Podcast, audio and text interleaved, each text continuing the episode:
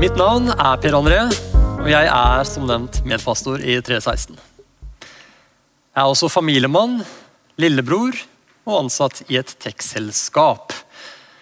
Akkurat som deg så har jeg flere roller, og i dag skal vi fokusere på en av dem.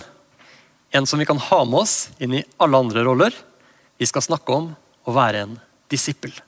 Jeg er ingen ekspert på emnet, men det er greit. En disippel er nemlig en lærling ikke en ekspert.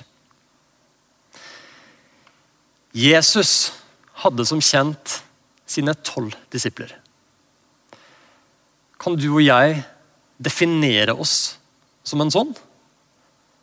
Kan jeg være så frimodig? Ja, de tolv var bare en start. Jesus sa disipler i dag også.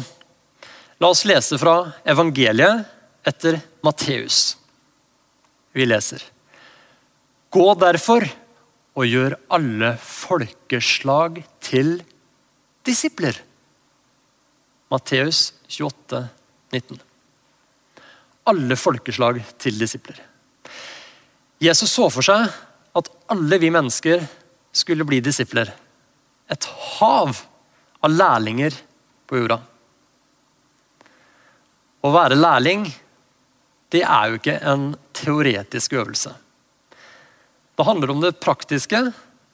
Bruke kroppen, måter å gjøre ting på. Det handler om å se på og imitere sin mentor, sin læremester. For å lære av Jesus så må vi se på hvordan han levde. da. Hva han faktisk lærte. Det kan jo selvfølgelig skrives mange bøker om, og det er heldigvis også gjort i Det nye testamentet.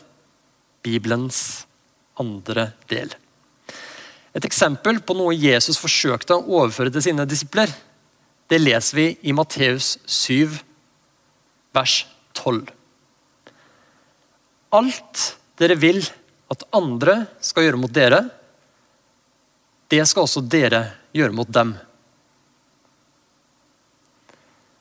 Nå vet ikke jeg med dere, men å glemme meg selv i ren nestekjærlighet, det er ikke min sterkeste impuls.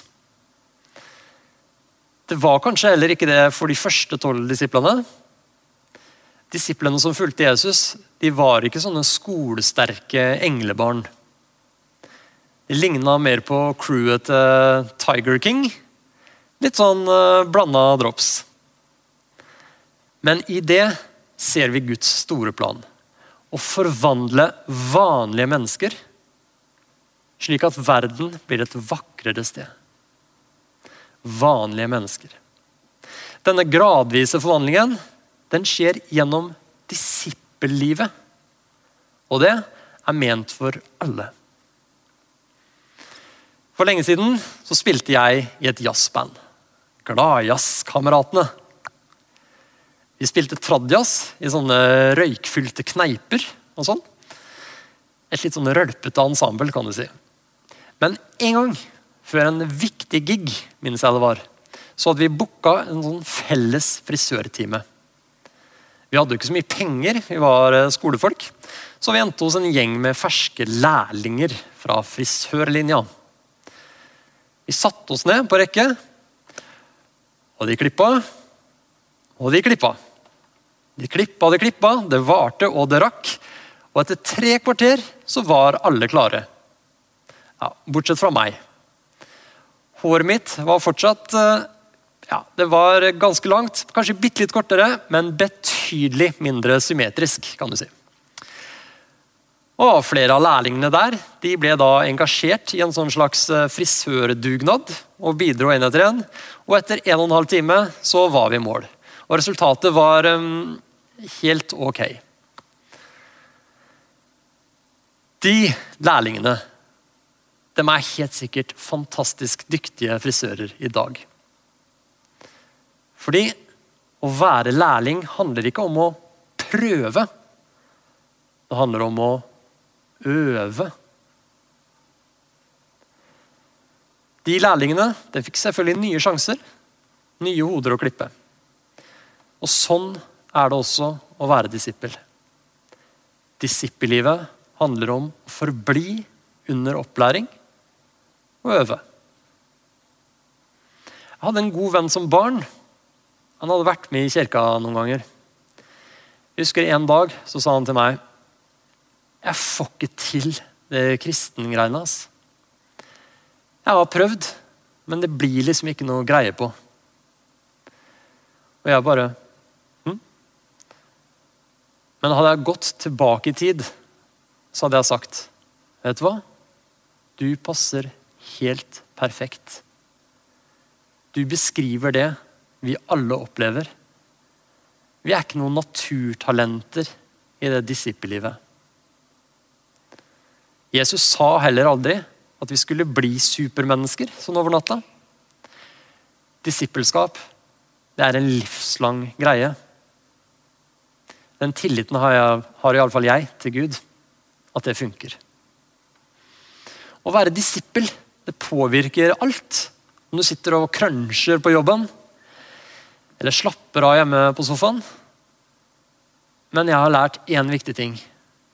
Disippellivet er ikke ment å være en sånn trist kamp.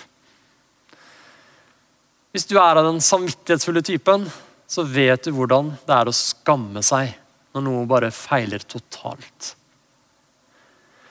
Ja, la oss kalle synd for synd. Noen ganger så synder vi. Noen synder er grove, andre er mer sånn i gråsonen. Og jeg har bidratt rikelig på begge deler.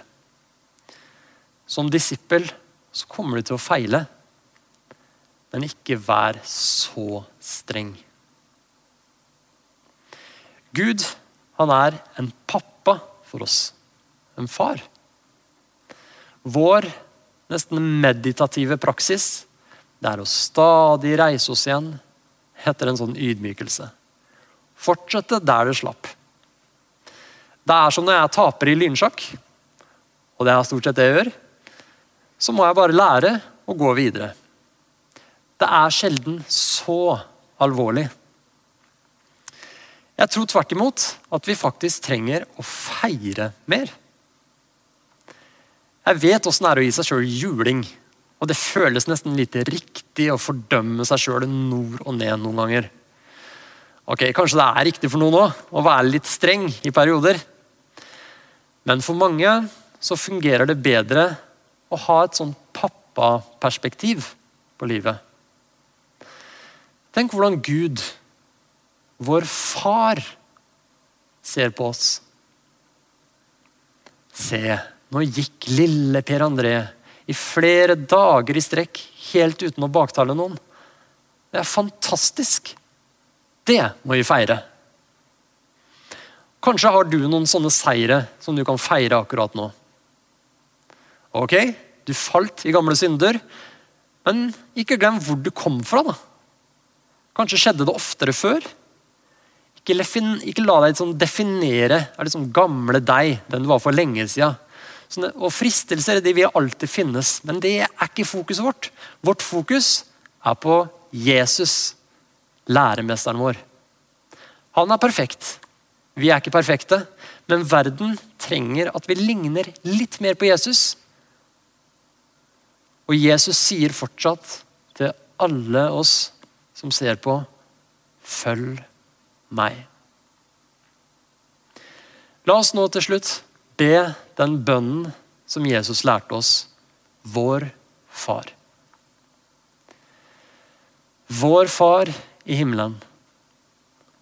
La navnet ditt helliges. La riket ditt komme. La viljen din skje på jorden, slik som i himmelen. Gi oss i dag vårt daglige brød, og tilgi oss vår skyld slik også vi tilgir våre skyldnere. Og la oss ikke komme i fristelse, men frels oss fra det onde. For riket er ditt, og makten og æren i evighet. Amen.